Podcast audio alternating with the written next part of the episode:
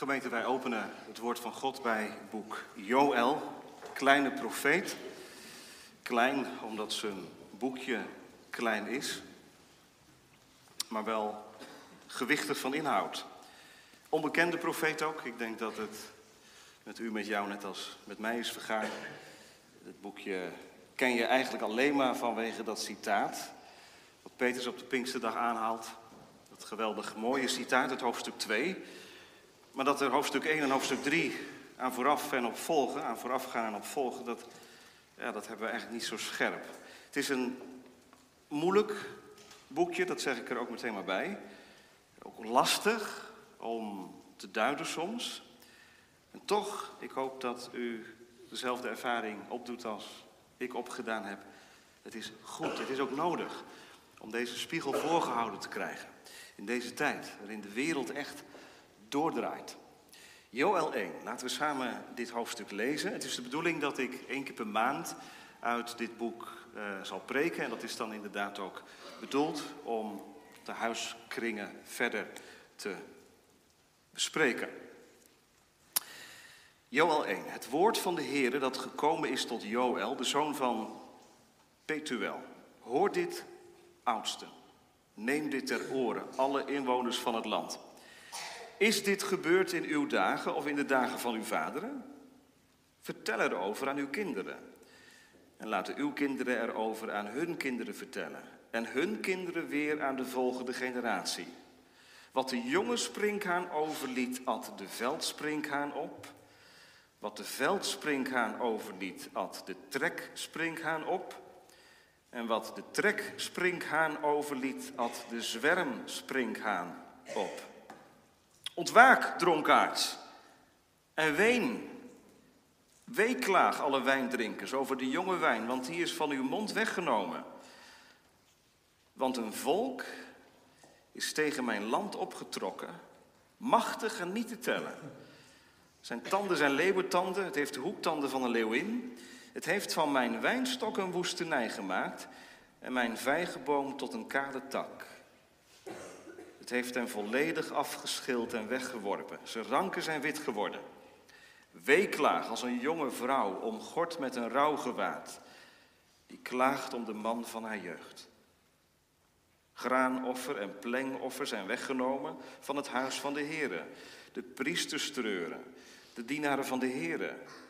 Het veld is verwoest, de grond treurt, want het koren is verwoest. De nieuwe wijn opgedroogd, de olie verkommert. Akkerbouwers staan beschaamd, wijnbouwers weeklagen over de tarwe en over de gerst, want de oogst op het veld is verloren. De wijnstok is verdord, de vijgenboom is verwelkt, de granaatappelboom, ook de palmboom en de appelboom. Alle bomen van het veld zijn verdord. Ja, de vreugde is verdord. Geweken van de mensenkinderen. Omgort u een bedrijf, vrouwpriesters. Weeklaag, dienaren van het altaar. Kom, overnacht in rouwgewaden, dienaren van mijn God. Want graanoffer en plengoffer zijn aan het huis van uw God onthouden. Kondig een vaste tijd af. Roep een bijzondere samenkomst bijeen. Verzamel de oudsten en alle inwoners van het land in het huis van de Heere uw God. En roep tot de Heere. Ach, die dag. Ja, de dag van de Heere is nabij. En hij zal komen als een verwoesting van de Almachtige. Is niet voor onze ogen het voedsel weggenomen? Uit het huis van onze God blijdschap en vreugde? De zaadkorrels zijn verschrompeld onder hun aardkluiten. De voorraadschuren verwoest. De graanschuren afgebroken, want het koren is verdord. Hoe kreunt het vee? De kudden rundvee zijn in verwarring, want ze hebben geen weide. Zelfs kudden kleinvee moeten boeten. Tot u, heren, roep ik. Want een vuur heeft verteerd de weide van de woestijn. En een vlam heeft verzengd alle bomen van het veld. Zelfs de dieren van het veld schreeuwen naar u, want de waterstromen zijn uitgedroogd. Een vuur heeft de weiden van de woestijn verteerd. Tot zover dit aangrijpende eerste deel van het boekje Joël. Ik onderstreep twee teksten als uitgangspunt voor de verkondiging straks, vers 15 en 19a. De uitroep, ach, Die dag. Ja, de dag van de Heer is nabij. En hij zal komen als een verwoesting van de Almachtige. En dan vers 19a. Tot u, Heere, roep ik. Straks na de preek zingen we Psalm 98, vers 1 en 4. Hij komt, hij komt om de aarde te richten. Psalm 98, vers 1 en 4, straks na de verkondiging. Boven de preek staat geschreven, gemeente, leven bij de dag. En het woordje dag met een hoofdletter. Het gaat over de dag des Heren. Een uitdrukking die in Joël en in de profeten vaak voorkomt. Leven bij die dag. We letten allereerst op heftige tijden en in de tweede plaats op heilzame huiver. Heftige tijden, heilzame huiver. Gemeente, toen ik deze week voor het eerst Joel 1 doorlas, dacht ik, wat een hoofdstuk. Misschien had jij dat ook wel. Wat staat het ver bij mij vandaan? Gewoon qua tijd, eh, qua taal misschien ook wel en qua eh, omstandigheden. Het gaat over sprinkhanen. Ja, wij vinden dat leuke diertjes misschien. Als we het voorjaar zien rondhoppen. Maar hier gaat het over een enorme plaag. Dus het vraagt van ons veel, ik, ik bereid u er maar vast op voor, het vraagt voor ons veel, net zoals het voor mij ook veel vroeg in de voorbereiding, om die kloof over te gaan. Om erachter te komen, wat is nou precies de kern? Wat is de boodschap voor vandaag, voor nu? Nou, laat ik beginnen met het woord, de naam Joël. Prachtige naam, er zitten ook jongens hier die Joël heten. Joël, de Heere is God. Nou, mooie kun je niet heten, toch? Joël, prachtig. Geboren in een godvrezend gezin, dat moet wel. We weten niets van hem, we weten niets van zijn gezinsomstandigheden, we weten alleen dat zijn vader Petuel heette. Maar in die naam zit iets van verwachting. De Heere is God. Je gaf in die tijd je een kind een naam waarin je ook iets van toekomstverwachting doorgaf. Nou, dat zit er zeker in. Joël. En hij is, we weten niet hoe, maar hij is profeet geworden. Spreekbuis van de Heere God. En hij heeft dan dit boek, dit boekje, achtergelaten. De Heilige Geest heeft het bewaard en in de loop van de eeuwen aan ons overgeleverd. Zoals, zoals wij in de 21ste eeuw dit boek mogen lezen. Ik zei het al, we kennen Joël waarschijnlijk alleen vanwege dat citaat uit hoofdstuk 2, wat Petrus op de Pinksterdag aanhaalt. Maar eerst hoofdstuk 1. En ik zei u al, de kern van dit hoofdstuk is de dag des Heren die aanstaande is. Vandaar dat de kerntekst van morgen ook is vers 15. De dag van de Heren is nabij. Daar zitten we midden in het hoofdstuk. Waarom roept Joël dat? Waarom die kreet naar omhoog? Ach, die dag. Doet u dat wel eens? Ik vond echt een spiegel voor mijn gebedsleven. Dat zal ik u zeggen. Ach, die dag. Joël uit het. En waarom? Nou, dan neem ik u even mee naar de context van dit hoofdstuk en neem uw Bijbel erbij zodat we samen ook op het spoor komen wat er nou eigenlijk aan de hand is daar. Ik zou het met één woord kunnen samenvatten: een drama.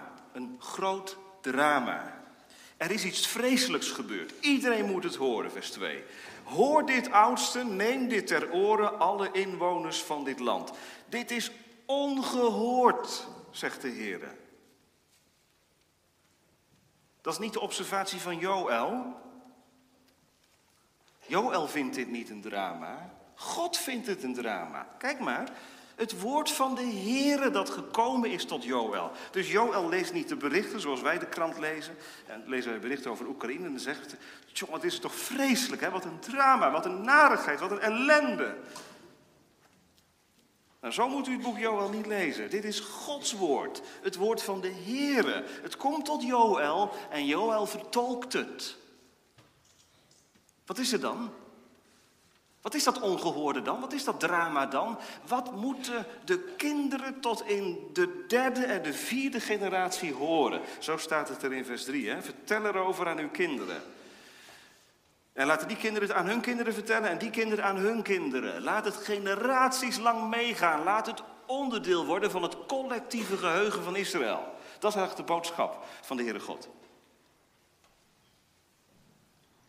Iedereen moet het weten.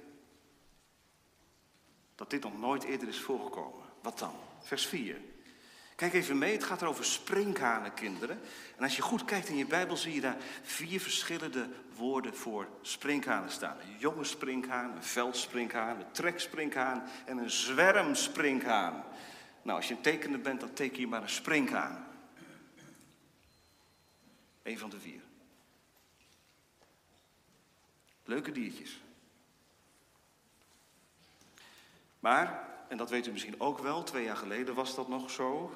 In Afrika, een paar landen in het werelddeel Afrika, werden compleet bedolven onder sprinkhanen. Een natuurramp van heel groot formaat. Wat doen sprinkhanen? Ze knagen, ze vreten alles kaal. En Joel 4, 1 vers 4 zegt, er zijn vier sprinkhanenplagen als het ware op elkaar gevolgd. Wat de ene sprinkhaan nog overliet, omdat die jonge sprinkhaan die had niet alles, dat at de veldsprinkhaan op. En wat de veldsprinkhaan overliet, at de treksprinkhaan op, enzovoort. Dus een complete kaalslag.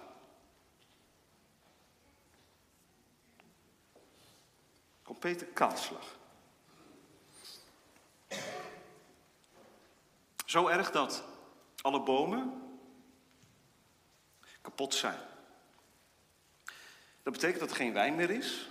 Dus een economische crisis van je welste. Die natuurramp zorgt voor een economische crisis.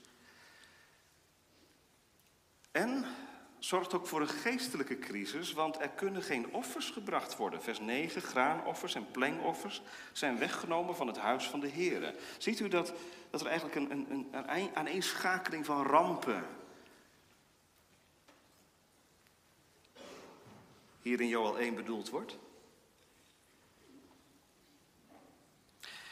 En er zijn natuurlijk altijd mensen, die heb je ook vandaag, die ontkennen crisissen. Die ontkennen rampen. Je hebt hè, klimaatontkenners. En, nou ja, zo zijn er wel meer ontkenners, die waren er in die tijd ook. Het valt allemaal wel mee. Hè. Vers 5 lezen wij over dronkenaards en over wijndrinkers. Ik denk dat je dat symbolisch moet lezen. Dat zijn de mensen die beneveld zijn, die niet scherp zien. De Heere God zegt tegen die mensen, tegen die laag van de bevolking: Word wakker, mensen. Dit is geen crisisje. Dit is een ramp. In vers 6 en 7 worden die sprinkhanen vergeleken met een leger. Kijk even mee. Een volk, die sprinkhanen, een volk is tegen mijn land opgetrokken, machtig en niet te tellen. Zijn tanden zijn leeuwentanden. Het heeft de hoektanden van een leeuwin. Nou, ik hoef aan de kinderen, denk ik, niet uit te leggen de tanden van een leeuw. En de hoektanden van een leeuwin. Heb je wel eens gezien? Vervaarlijk. Alles wordt vermalen door die tanden. Nou, dat hebben die sprinkhanen gedaan. En God zegt in vers 7, ziet u, het heeft van mijn wijnstok een woestenij gemaakt en mijn vijgenboom tot een kale tak, volledig afgeschild, weggeworpen, onnuttig. Let er even op dat het hier gaat over de wijnstok en de vijgenboom. En wie een beetje bijbelvast is, die weet dat de wijnstok en de vijgenboom de twee bomen zijn die samenhangen met de toekomstverwachting voor Israël. Micha 4, vers 4. En ieder zal onder zijn wijnstok en onder zijn vijgenboom zitten. Dat is de toekomst, het vrederijk. Ziet u hoe erg het is? Mijn wijnstok, zegt God. Mijn vijgenboom. Niet die van jullie, mijn. Compleet vernietigd door die moordmachine sprinkhanen. Nou ja, gemeente, als de wijnstok en de vijgenboom er niet meer zijn, dan is de toekomst ook weg. Dat is het drama in het drama. Geen toekomst meer, geen verwachting meer. Wat is dan nog nodig? Wat is dan geboden? Wat is dan nog een reactie die, die goed zou kunnen zijn? Dat is die van het weeklagen en van het rouwen. In heftige tijden past maar één reactie volgens de profeten. En daar is Joël en Hosea en Amos, daar zijn ze allemaal gelijk in. Het is maar één reactie die goed is, die past bij het volk van God. Dat is niet die van de analyse. Oh, het was hierom en daarom dat die natuurramp over ons land ging.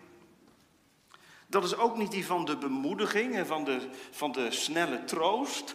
Oh, maar als je terugkijkt in de geschiedenis, er zijn altijd rampen geweest en er komt ook wel weer een tijd dat het beter gaat. Nee, er is maar één reactie goed volgens God. Weeklagen. En dan heel diep, vers 8. Moet je eens kijken. Een jonge vrouw. Heel aangrijpend beeld. Een jonge vrouw van een jaar of dertig die haar man is kwijtgeraakt. Weeklaag als een jonge vrouw omgord met een rouwgewaard die klaagt om de man van haar jeugd. Wat een afgrond van pijn. En je ziet het gebeuren. Vers 9. De priesters treuren. Zij die de dienst van de verzoening gaande moeten houden, die tussen God en het volk instaan. Ze hebben niets meer te doen. Er zijn geen graanoffers en geen plengoffers meer. Het staat gewoon stil. Ze treuren. Vers 10, het veld is verwoest. Hele felle bewoordingen. Het is net een, een, een uitgeblakerd oorlogsgebied. Het veld is verwoest, de grond treurt, want het koren is verwoest, de nieuwe wijn opgedroogd, de olie verkommerd. En dan lees je in vers 11 en 12 eigenlijk een herhaling van wat al gezegd is in het begin. De akkerbouwers staan beschaamd. Je ziet wijnbouwers langs de rand van hun wijngaard staan met tranen in hun ogen. Ze jammeren, de oogst is weg, hun toekomst is weg. Alles is weg.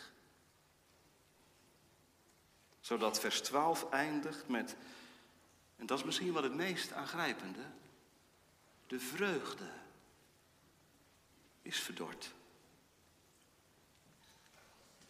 Nou, als je geen vreugde meer hebt,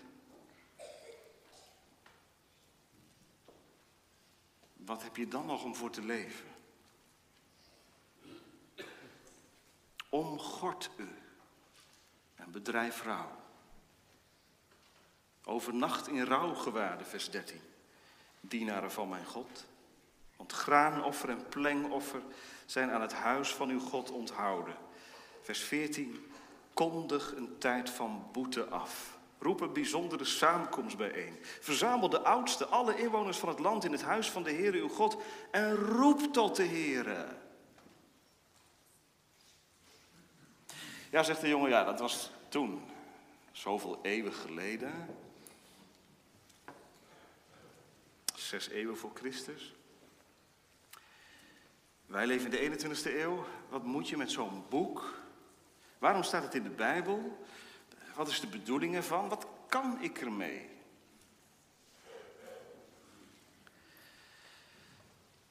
Nou, we moeten altijd bedenken als we deze profetieën lezen dat het Oude Testament niet tijdgebonden is. Dus je kunt niet zeggen, Joël, dat is het Oude Testament. Daar kun je als Nieuw-testamentische gemeente eigenlijk niet zoveel mee. Dan doe je eigenlijk hetzelfde als wat Marcion deed in de tweede eeuw na Christus. Die hele gedeelte van de Bijbel wegsneed. En die zei, ja, dan gaat het over een God die ik niet herken als de God van de liefde. Nou, misschien toch even de kritische vraag naar onszelf toe. Hè. Ik weet niet hoe uw Bijbel, hoe jouw Bijbelgebruik is. Maar ik betrap mij er zelf ook nog wel eens op hoor. Dat ik in mijn stille tijd. Ja, Joël, Habakkuk, Jezaja, Jeremia. Je pakt toch heel snel die gedeelten die je wat beter liggen.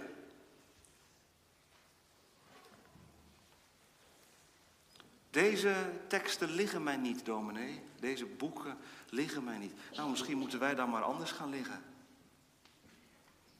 Want ja, het is wel onderdeel van de openbaring van God. Wat moeten we ermee? Nou, heftige tijden, die beleven wij ook, hè? Heftige tijden. Het woord crisis is de laatste jaren, de laatste twee jaar veel gevallen. Coronacrisis, economische crisis, klimaatcrisis, stikstofcrisis, oorlog in Europa. Signalen dat we leven in heftige tijden. Dat zijn de barensweeën van de geschiedenis. En een christen kan daar niet neutraal naar kijken. Je kunt niet alleen leven bij NOS. Dat is denk ik de eerste toepassing voor vanmorgen. Het volk van God kan niet leven bij de nieuwszenders van vandaag. Of bij de kranten, zo u wilt. Die verslag doen van wat er gebeurt in de wereld. Ik zeg niet dat je je krant dicht moet laten, die moet je heel goed lezen. Heel goed. Met onderscheid.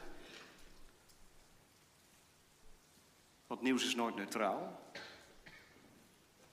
Maar je moet weten wat er speelt. Ja, jongens, weet wat er speelt. Wat er gaande is, wat er gebeurt. Dat is één. Maar, en dat kunnen we leren, denk ik, van Joël. Joël verbindt een concrete natuurramp met de dag des Heren. Ziet u dat in vers 15? Ach, die dag ineens. Ineens een uitroep. De dag van de Heren is nabij. Dus dat, wat doet Joël? Joël zit niet van een afstandje te kijken. Ze zeggen, ja, dit is weer een natuurramp. Eén in de reeks van zoveel. Nee, de dag van de Heren is nabij.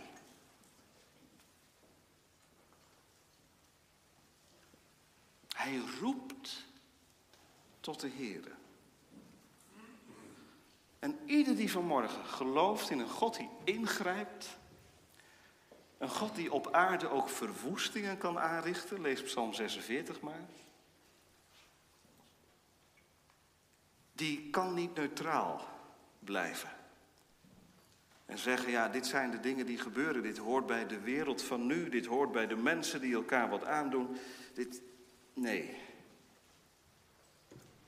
Laten wij wat er gebeurt verbinden met de dag des Heren. Dat, dat, is wat anders dan dat u precies analyseert wat er gaande is, op welk, uh, wat voor datum op Gods kalender we nu zitten. Dat doet Joel ook niet. Maar Joel blijft niet steken in registreren. De dag des Heren komt als een dief in de nacht. Ja, wat is de dag des Heren? De dag van de Heren, zoals die hier genoemd wordt. Dat is de dag van de terugkomst van de Heer. En in het Oude Testament is dat de dag van Gods ingrijpen, van Gods recht zetten. Waarbij de ongelovigen geoordeeld worden, veroordeeld worden. En waarbij het volk van God voor altijd veilig en behouden zal zijn. Iedere bewoner op aarde zal de dag des Heren ondergaan. Wat staat ons te doen? Als christenen, als gemeente. Nou, dit in ons woordenboek, in ons geestelijke woordenboek zetten. Ik weet niet wat voor taal u gebruikt in uw gebed. Ik heb u al gezegd, hè, ik, dit was nieuw voor mij. Dit is blijkbaar een, een geestelijke reactie op de gebeurtenissen van vandaag. Ach, die dag. De dag van de Heer is nabij. Hij zal komen als een verwoesting van de Almachtige. Laat ik het vergelijken met de weersverschijnselen. het is prachtig weer geweest, maar als u het nieuws, als u het weer een beetje volgt, dan weet u, ja, het gaat deze week naar beneden met de temperatuur en het gaat ook regenen. Nou, wat betekent dat? U gaat daarop anticiperen. U zegt, uh, ik ga morgen denk ik maar niet met fiets naar mijn werk, want ja, ze geven 40% regenkansen aan. Dus je, houdt rekening met wat er gebeuren gaat. Dat bepaalt vandaag, morgen, je doen en laten. Nou, dat is goed. Maar Jezus zegt in Lucas 13, als je alleen maar weet te onderscheiden dat het gaat regenen en je houdt daar rekening mee, dan ben je een geveinsde. De dag van de Here is nabij. Ga nou zo eens het journaal bekijken en het nieuws. Lees je krant, lees je Bijbel. En kijk er niet van op wat er gebeurt. De grootheidswaanzin van dictators, de drang van China om zich als een grootmacht te vestigen tegenover Europa en Amerika. Kijk er niet van op. Dat machten samenballen en dat het heen gaat misschien wel naar een nieuwe oorlog, wereldoorlog. Kijk er niet van op. Natuurrampen. Het zijn de barensweeën van de geschiedenis. Ik kom er straks in het tweede punt nog wel even op terug. Kijk er ook niet van op wat er in Nederland gebeurt, de ontwikkelingen die versnellen op ethisch terrein. De orde die wordt omgedraaid. Wat 60 jaar geleden normaal was, is nu abnormaal. En wat abnormaal was, is normaal. Op seksueel gebied kom ik vanmiddag nog op terug. Kijk er niet van op. Maar registreer het niet alleen. Laat dit onderdeel zijn van je geestelijke woordenboek. Ach, die dag. Alles wat er gebeurt is een voorbode van de naderende dag des Heren. Dat leert Johan mij. Hij denkt vooruit. En als u het Nieuw Testament eens wil horen, je zou kunnen denken aan het woord van Paulus hè, in Filippenzen 4, vers 5. Hij zegt, de Here is nabij. Wij betrekken dat heel snel troostvol op onze situatie. Zeggen we, maar de Heer is nabij. Maar ik denk dat Paulus daar ook bedoelt, de Heer is nabij, hij komt eraan. Het duurt niet zo lang meer. De dag des Heren is aanstaande. En hij zal komen als een verwoesting van de Almachtige. Nou, dat zijn hele ontzagwekkende woorden. Verwoesting van de Almachtige. En dat brengt me bij de tweede gedachte. Heilzame huiver. Ja, dat woordje huiver. Wij denken misschien aan Halloween. Lekker griezelen.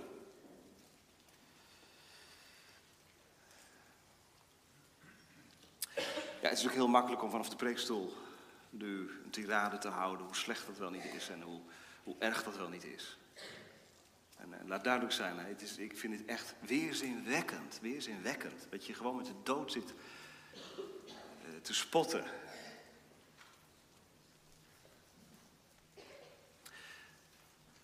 Zou er ook een bijbelse huiver bestaan? Een bijbelse huiver. Dat is wat anders dan griezelen. Maar griezelen is, dat moet leuk zijn. Dat moet een, een, emotie opwekken.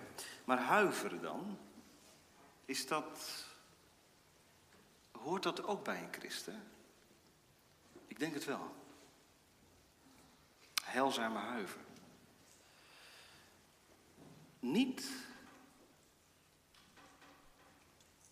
als je kijkt naar God, maar als je let op de dag van de Here. Die zal komen als een verwoesting van de Almachtige. Als je dat leest, wie kan dan zeggen, nou ja, dat zien we dan wel weer. Als die dag komt, we zullen het meemaken. Er klinkt echt hevige ontsteltenis door bij Joël. Ach, die dag. En dat komt een paar keer terug in Joël. Kijk even mee, Joël 2, vers 1 en 2. Blaas de bazuin in Sion, sla alarm op een heilige berg. Laat alle inwoners van het land sidderen, huiveren. Want de dag van de Heere komt, is dichtbij. Joël 2, vers 11. De Heere laat zijn stem klinken voor zijn leger uit, want zijn leger is zeer groot. Dat gaat over de springkanen. Machtig is hij die zijn woord ten uitvoer brengt. Groot is immers de dag van de Heer en zeer ontzagwekkend. Wie zal hem kunnen verdragen? Joel 2, vers 31. De zon zal veranderd worden in duisternis en de maan in bloed, voor die dag van de Heere komt, die grote en ontzagwekkende. Ontzetting, een huiver. Ik weet het, je kunt er ook een verkeerde kant mee op. Hè? In de middeleeuwen werden voorstellingen gemaakt van het laatste oordeel. Ook geschilderd. Meest afzichtelijke wezens werden dan geschilderd die de mensen opaten. Die behoorden tot de verdoemde. Huiveringwekkend. Maar ik geloof ook dat in de 21ste eeuw in de kerk mensen kunnen zijn. Die zijn opgevoed met de gedachte: God kan ieder moment terugkomen, misschien vandaag wel. En dan sta ik voor Hem en dan is het hemel of hel. Benauwende gedachten, beklemmende gedachten. Het grijp je naar de keel.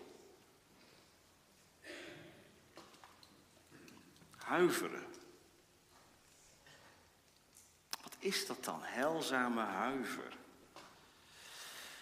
Dat heeft hiermee te maken, daarom ook het woordje heilzaam. Dat is huiver voor wat er straks gaat gebeuren als de Heer Jezus terugkomt. En je niet klaar bent. Je niet bereid bent. Je geleefd hebt met open oren, open ogen, het nieuws van de dag hebt opgedronken. En niet die koppeling hebt gemaakt met de dag van de Heer en je niet bekeerd hebt tot de levende God. Dit heeft het verbondsvolk van Israël blijkbaar nodig. Het gaat hier over Israël. Het gaat hier niet over de heidenen. Het, het gaat hier over de verbondsgemeente. Nieuw Testament is gezegd, het gaat over de gemeente van Christus. De dag van de Heer is nabij. En hij zal komen als een verwoesting van de Almachtige. Sta ik straks aan de goede kant? Ja, dat hoop ik, zegt iemand. Dat hoop ik. Gemeente, dat is geen antwoord waar God tevreden mee is. En daar kun je zelf ook niet tevreden mee zijn. Dat mag niet. Ik denk even aan wat de catechismus zegt. Als antwoord op de vraag: welke troost biedt u de wederkomst van Christus om te oordelen de levenden en de doden? En dan zegt de Christen: Ik verwacht hem als rechter uit de hemel. Hij zal mijn vijanden in de eeuwige verdoemenis werpen, maar mij tot zich nemen in de hemelse vreugde en heerlijkheid. Waarom dan? De rechter die komt, is mijn redder van vandaag. De rechter die komt, is de redder van vandaag. Hij heeft zich voor mij in Gods gericht gesteld en de vloek weggenomen. Ach, die dag. Huiver je? Dan mag je vanmorgen in praktijk brengen wat Joël deed. Tot u, heren, vers 19. Tot u, heren, roep ik. Er is niets meer stabiel. Is een chaos in die tijd. Maar weet u, er is één stabiele factor. Kijk maar in vers 19. Heren, tot u, heren, roep ik. Dat is de stabiele factor. Dat is de betrouwbare bodem waarop Joel kan staan. U staat in voor uw woord. Dat vraagt om bekering. Dat moet je zien. Het vraagt om bekering.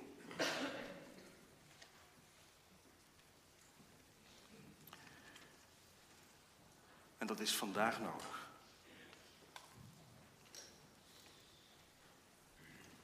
Bekeer je tot de Heer. Heilzame huiver brengt je bij Christus. Wij zien hier een heel klein mannetje, Joël. Maar hij schreeuwt tot God. Hij huivert als hij denkt aan de dag van de Heer en de consequenties die dat met zich meebrengt. Verwoesting van de Almachtige. Alle goddeloosheid en alle goddelozen zullen in de eeuwige verdoemenis geworpen worden. Tot u, Heer, roep ik. Ouders, leren wij dat onze kinderen? We leren ze bidden, hè? Uw kinderen zullen ook wel eens zeggen tegen u: ik vind het best een beetje een spannende tijd. Ik ben wel eens bang voor dit of voor dat. Neem je je kinderen bij de hand en zeg je tegen ze: Ja, maar weet je, dat is ook niet, ook niet gek dat je bang bent. Dat je huivert. Want weet je, het, is de, het zijn de, de voorbodes voor de dag van de Heer. De Heer Jezus komt terug. Weet je, wij mogen tot de Heer roepen. Roepen. En dan zeg je maar tegen je kinderen, en God heeft open oren. Hij hoort. Dat is de beste reactie. Dat is heilzame huiver. Als je bang bent, ook als ouders, als je in je hoofd moe bent van alle ontwikkelingen, hoe moet je je kinderen daarin begeleiden? Ik roep tot de Heer, spreek tot je ziel, nu de onzekerheid op aarde toeneemt. Ik trek aan het einde van de preek nog een lijn naar het Nieuwe Testament en die kwam ik pas later in de week op het spoor, maar ik denk toch dat dat terecht is. Dat is een lijn naar Openbaring 9. Want daar gaat het ook over sprinkhanen. Je kunt ook zeggen, Joel 1, ja, sprinkhanenplaag. Wij leven in Nederland, daar zullen we nooit last van krijgen, sprinkhanenplagen.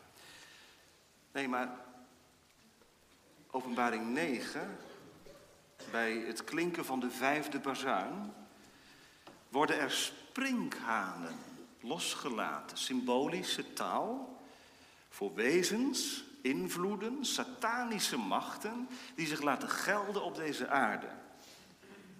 Ze vreten alle geluk weg. Zo lees ik Openbaring 9. Je moet het vanmiddag maar eens lezen en op u in laten werken. En gewoon om u heen kijken. Ziet u het gebeuren? Ik vind het heel opvallend hè, dat seculiere mensen Zoals Dirk de Wachter, psycholoog. Esther van Venema, veel in het nieuws geweest. Afgelopen week, psychiater. Niet christelijk. Maar dat zij dit benoemen. Dat wij in een, in een nihilistische tijd leven. En Esther van Venema heeft een boek geschreven. Het verlaten individu. Mensen die wanhopig zijn. Verlaten, in de steek gelaten. De sprinkhanen gaan rond, gemeente. Ze vreten alles kaal. In de tijd van Joël was dat de wijnstok en de vijgenboom. De toekomst, de vreugde, de voorspoed. En nu, nu zijn de sprinkhanen bezig om te ontwrichten, tot wanhoop te leiden. En je ziet het om je heen gebeuren. Mensen die klem raken, die zichzelf van het leven beroven. We zijn vlak bij het einde.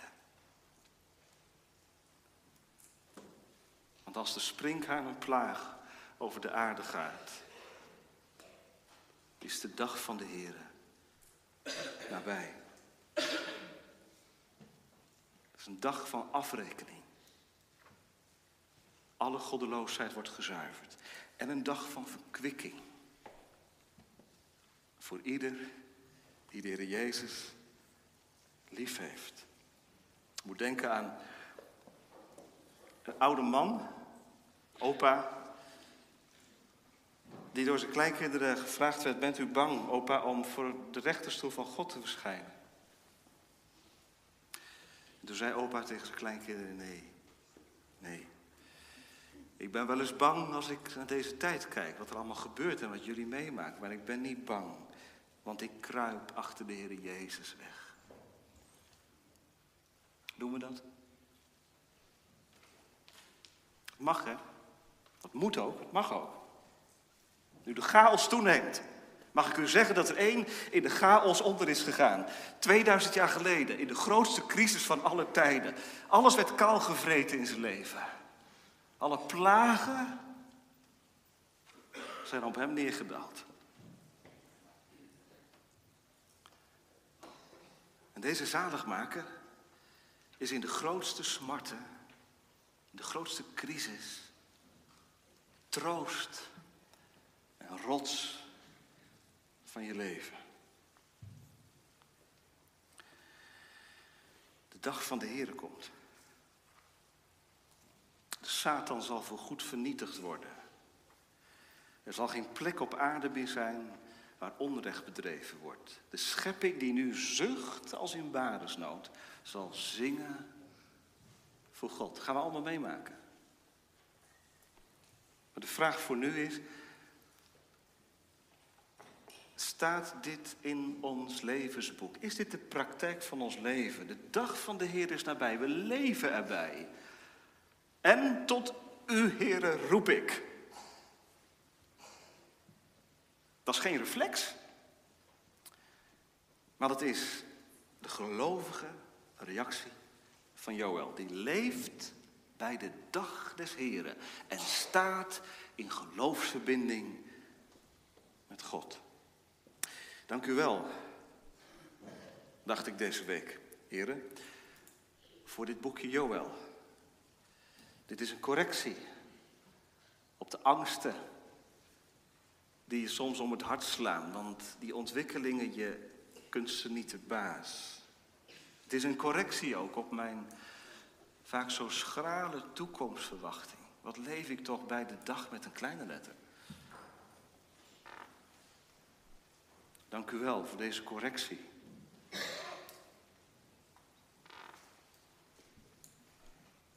Ben dankbaar dat dit boek in de Bijbel staat. En we gaan het met elkaar meemaken. Hoe Joël in de loop van de hoofdstukken die nog komen gaan, meer en meer verzekerd raakt van een schitterende toekomst voor alle die de naam des Heren aanroepen. Het is twee kanten de dag des Heren. Wraak, verwoesting en zegen en vrede.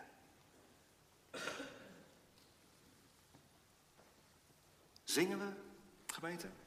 Psalm 98, vers 4. Die dag komt, de dag dat hij de aarde gaat richten en de wereld in gerechtigheid. Daar hoorde ik niet iemand al huiverend zingen, maar ik hoor iemand blij zingen. Hij komt eraan. Mijn rechter, mijn redder, mijn God, mijn verlosser, mijn zaligmaker. Zing voor de Heere en zing je angsten het hart maar uit. Want hij komt eraan en met hem het loon voor ieder die in dit leven via Christus op deze God en Vader vertrouwt. De toekomst is zeker, dankzij de Zoon. Amen.